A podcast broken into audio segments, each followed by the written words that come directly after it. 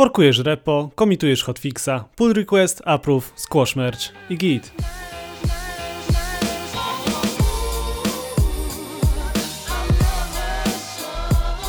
Witajcie w glosariuszu programisty, podcaście, który pomoże Wam odnaleźć się pośród wszystkich wyrażeń ze świata koderów, niezależnie od tego, czy swoją przygodę z programowaniem dopiero zaczynacie, czy macie już trochę doświadczenia.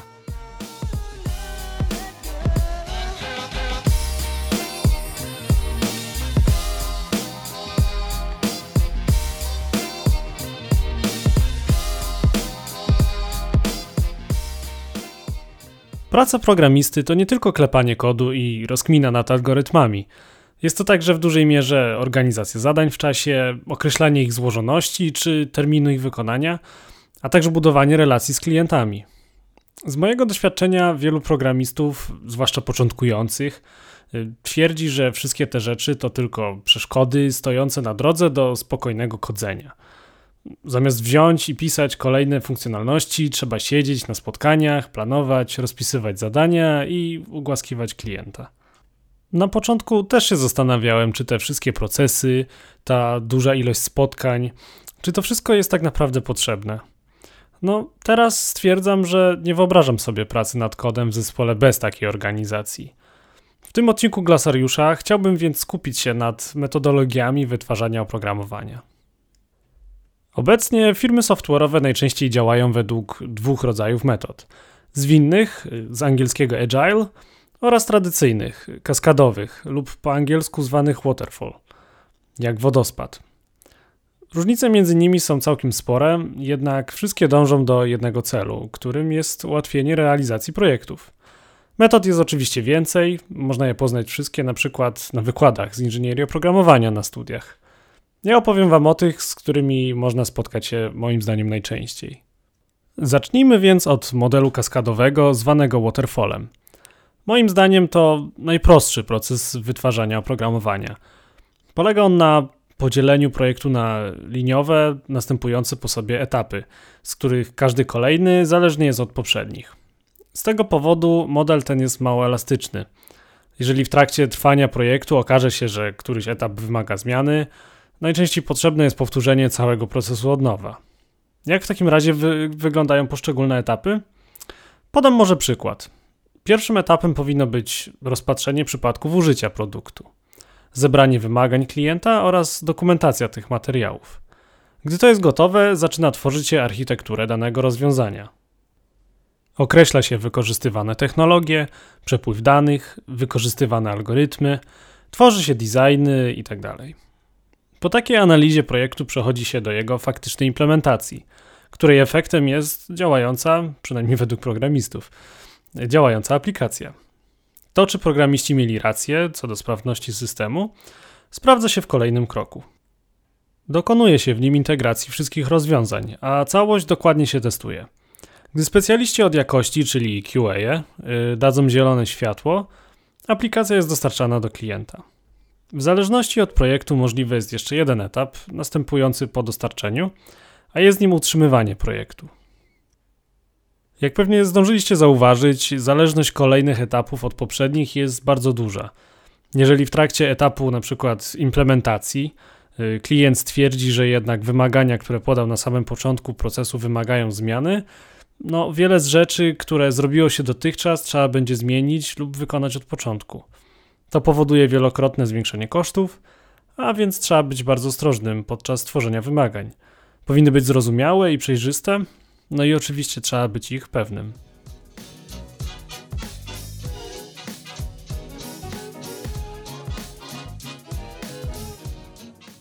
Przejdźmy teraz do metodyk zwinnych. Słowa takie jak Scrum, Kanban, Agile pojawiają się na stronach chyba wszystkich szanujących się firm zajmujących się wytwarzaniem oprogramowania – Metodyki te, co prawda, implementuje się w różnym stopniu, w zależności od potrzeb i sytuacji panującej w, dawnym, w danym projekcie, ale z mojego doświadczenia implementuje się je niemalże wszędzie. Metody zwinne bazują na iteracyjnym, przyrostowym podejściu w dodawaniu funkcjonalności. Zamiast jednokrotnego tworzenia wymagań, analizowania i planowania, metodologie agile'owe mówią o ciągłym powtarzaniu tych procesów, jednak w dużo mniejszym zakresie – Takie podejście wymusza ciągły kontakt z odbiorcą tworzonej aplikacji. Za każdym razem przekazujemy ukończoną część projektu, dostajemy opinię o dotychczasowym efekcie i zbieramy wymagania co do kolejnych funkcjonalności. Jeżeli w dowolnym momencie wymagania się zmienią, wtedy zmiany będą mogły być wprowadzone w nadchodzącej iteracji rozwojowej i nie powinny być one na tyle ingerujące w stworzoną już całość, żeby wystąpiła potrzeba zaczynania wszystkiego od początku. Bardzo ważnym elementem bycia zwinnym jest praca zespołowa, pełna komunikacji twarzą w twarz. Bardzo jasno jest zarysowana tutaj osoba lidera, yy, która koordynuje pracę zespołu i ogółem trzyma rękę na pulsie. W 2001 roku opublikowano manifest programowania zwinnego, który jest bazą dla wszystkich metod zwinnych. W 12 zasadach określa on, tutaj cytat, lepsze sposoby rozwoju oprogramowania. W sumie możemy przelecieć sobie szybko przez te wszystkie zasady, mimo że zapisane są w sposób trochę przypominający jakieś zasady wiary w sekcie. Ok, lecimy. Zasada pierwsza. Najwyższy priorytet ma dla nas zadowolenie klienta dzięki wczesnemu i ciągłemu wdrażaniu wartościowego oprogramowania. No, jest to pierwsza zasada i moim zdaniem faktycznie najważniejsza i najbardziej rzucająca się w oczy. Ciągły kontakt z klientem jest kluczowy, dobra relacja jest warunkiem długiej i owocnej współpracy. Ciągłe wdrażanie oprogramowania umożliwia odbiorcom śledzenie zmian w miarę rzeczywistym czasie. Zasada druga. Bądźcie gotowi na zmiany wymagań nawet na późnym etapie jego rozwoju. Procesy zwinne wykorzystują zmiany dla zapewnienia klientowi konkurencyjności. Myślę, że to jest punkt, dzięki któremu Agile jest y, taki popularny. Jest to wygodne i dla wykonawców, bo częsty kontakt zdecydowanie ułatwia pracę, i dla klientów, bo cały czas mają możliwość trzymania ręki na pulsie. Zasada trzecia. Dostarczajcie funkcjonujące oprogramowanie często, w kilkutygodniowych lub kilkumiesięcznych odstępach. Im częściej, tym lepiej. Te odstępy, o których mowa w zasadzie, najczęściej nazywa się sprintami i najczęściej trwają one dwa tygodnie. Mi w ciągu kariery zdarzały się jeszcze pojedyncze sprinty 3 i 4-tygodniowe. Zasada numer 4. Zespoły biznesowe i deweloperskie muszą ściśle ze sobą współpracować w codziennej pracy przez cały czas trwania projektu. Zasada szósta. Najbardziej efektywnym i wydajnym sposobem przekazywania informacji zespołowi deweloperskiemu i wewnątrz niego jest rozmowa twarzą w twarz. Ten punkt jest bardzo ważny. Żyjemy w czasach, gdy każdy z nas woli zamówić pizzę przez internet niż przez telefon, no bo z jakiegoś powodu nie chcemy rozmawiać z ludźmi. Ja sam zawsze wolałem napisać, jednak szczególnie podczas pandemii zrozumiałem, jak dużo bardziej wydajna jest rozmowa głosowa. Jest szybsza, pozwala uniknąć niedomówień, intonacja pozwala podkreślić wagę problemu itd. Tak Jedyne, co trzeba wykształcić w zespole, to taką swobodę. Y, mam na myśli, że często boimy się do kogoś zadzwonić, bo na pewno mu przeszkodzimy, nie chcemy się narzucać i tak dalej. Jeżeli powiemy sobie wszyscy nawzajem, że nie mamy z tym problemu, wtedy komunikacja staje się dużo łatwiejsza.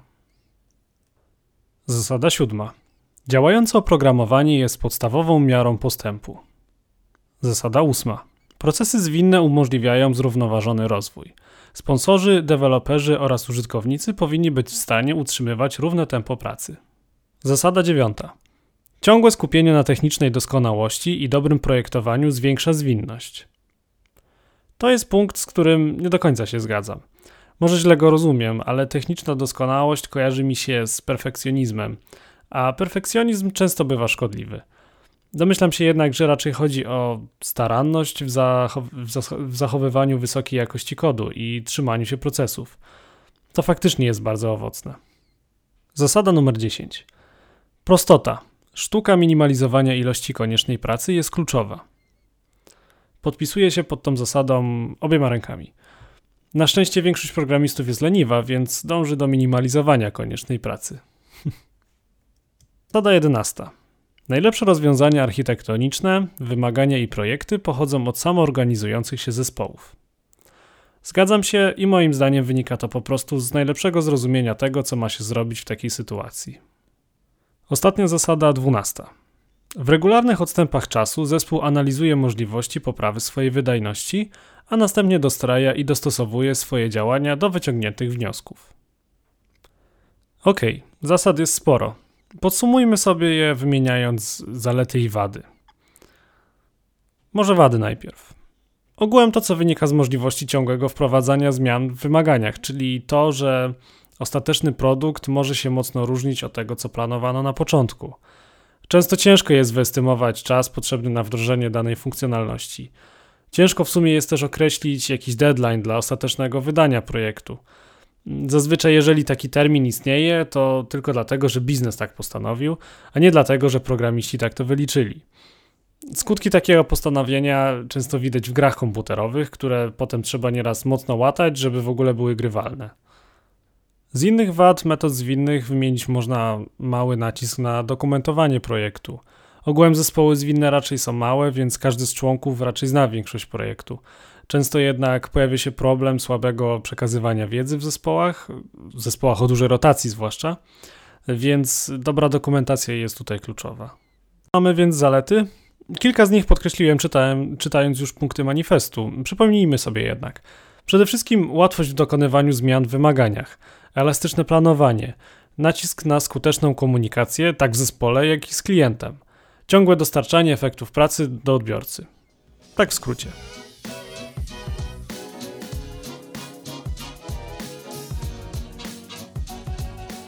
Najpopularniejszą implementacją założeń metodyk Agile jest Scrum. Model ten wykorzystuje się do zarządzania rozwojem raczej złożonego oprogramowania. Wy, wyróżnia się iteracjami o stałej długości, które nazywa się sprintami. Najczęściej taki pojedynczy sprint trwa dwa tygodnie, a pod jego koniec członkowie zespołu spotykają się, by zaplanować kolejny sprint. Scrum pełen jest zasad, odpowiedzialności i spotkań, które zdefiniowane są w oficjalnym przewodniku po Scrumie – takiej Biblii Scrama autorstwa Kena Schwabnera i Jeffa Sutherlanda. Każdy sprint ma więc ściśle ustaloną strukturę. Posiada czas na planowanie, czas na codzienny stand-up, a także czas na retrospektywy.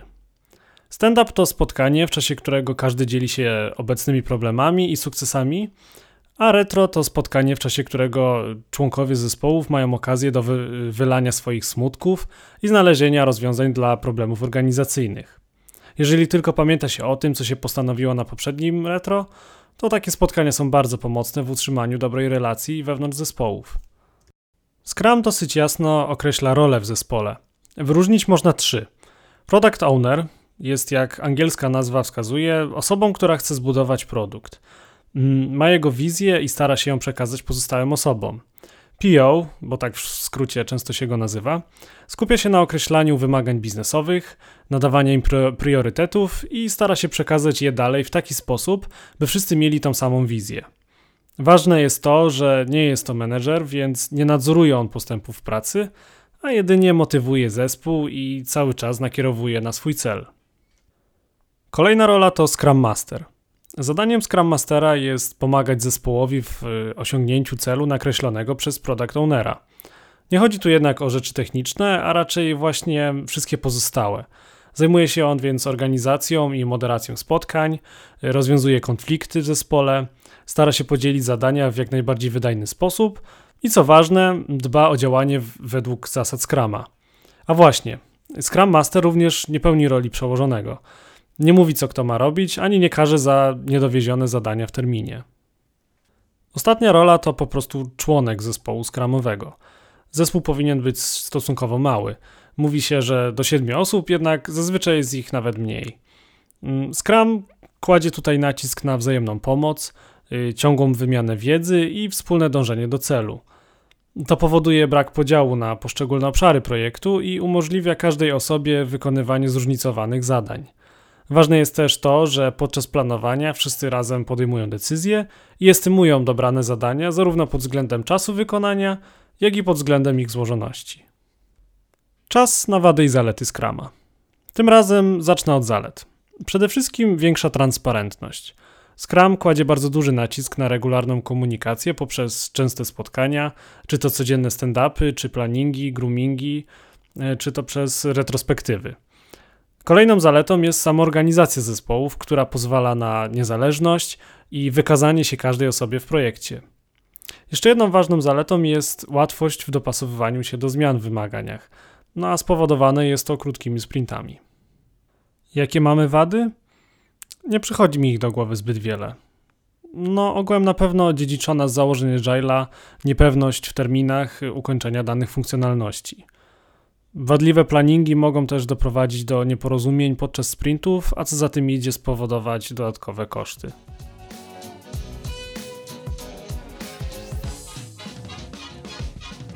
Kolejnym bardzo popularnym przykładem implementacji metodologii zwinnej jest Kanban. Nazwa pochodzi z japońskiego i może być tłumaczona jako szyld, jakąś tabliczkę z napisem albo kartę. Geneza metodologii wywodzi się z systemu produkcji Toyoty z lat 40. ubiegłego wieku. Pracownik y, Taichi Ono, mam nadzieję, że tak się czyta jego imię i nazwisko, zainspirował się działaniem supermarketów, w których to klient zabiera z półki określoną ilość produktów, a te puste półki natychmiast zostają zapełnione przez sprzedawcę. Podobnie to wyglądało również podczas produkcji. Luki na półkach to zespoły, które ukończyły swoją pracę i są wolne. Zgłaszały one wtedy kartę lub ten kanban, e, co oznaczało wolne zasoby i gotowość do pracy. No i wtedy na podstawie tej karty przydzielano im zadania, a więc zapełniano lukę. W tworzeniu oprogramowania Kanban został nieco bardziej rozwinięty, jednak opiera się na tej samej idei. Obecnie wyróżnia się trzy zasady Kanban. Pierwsza wizualizacja, druga ograniczenie pracy w toku oraz trzecia zarządzanie strumieniem. Wienie kolejnych etapów produkcji na tablicy. Najczęstszy podział, z którym ja się spotkałem, to analiza, wytwarzanie, testowanie, zadanie gotowe. Często bierze się karteczki post-it, e, jedno zadanie zapisuje się na jednej takiej karteczce i przykleja się ją do odpowiedniej sekcji na tablicy. Może widzieliście to nawet w jakichś serialach lub filmach. Oczywiście obecnie jest pełno narzędzi internetowych, które również umożliwiają taką wizualizację, a najpopularniejsze z nich to moim zdaniem Jira. Druga zasada, czyli ograniczenie pracy w toku, polega na ustaleniu maksymalnej ilości zadań, które mogą być w, w jednym momencie na danym etapie. Chodzi o to, by nikt nie wziął kilka zadań na siebie, zaczął po trochę z każdego i w sumie żadnego nie skończył na czas. Ostatnia zasada, zarządzanie strumieniem, to po prostu pomiar wydajności, czyli najczęściej czasu wykonywania poszczególnych zadań, by w przyszłości lepiej optymalizować proces ich dobierania i łatwiej estymować czas wykonania danych funkcjonalności na przykład.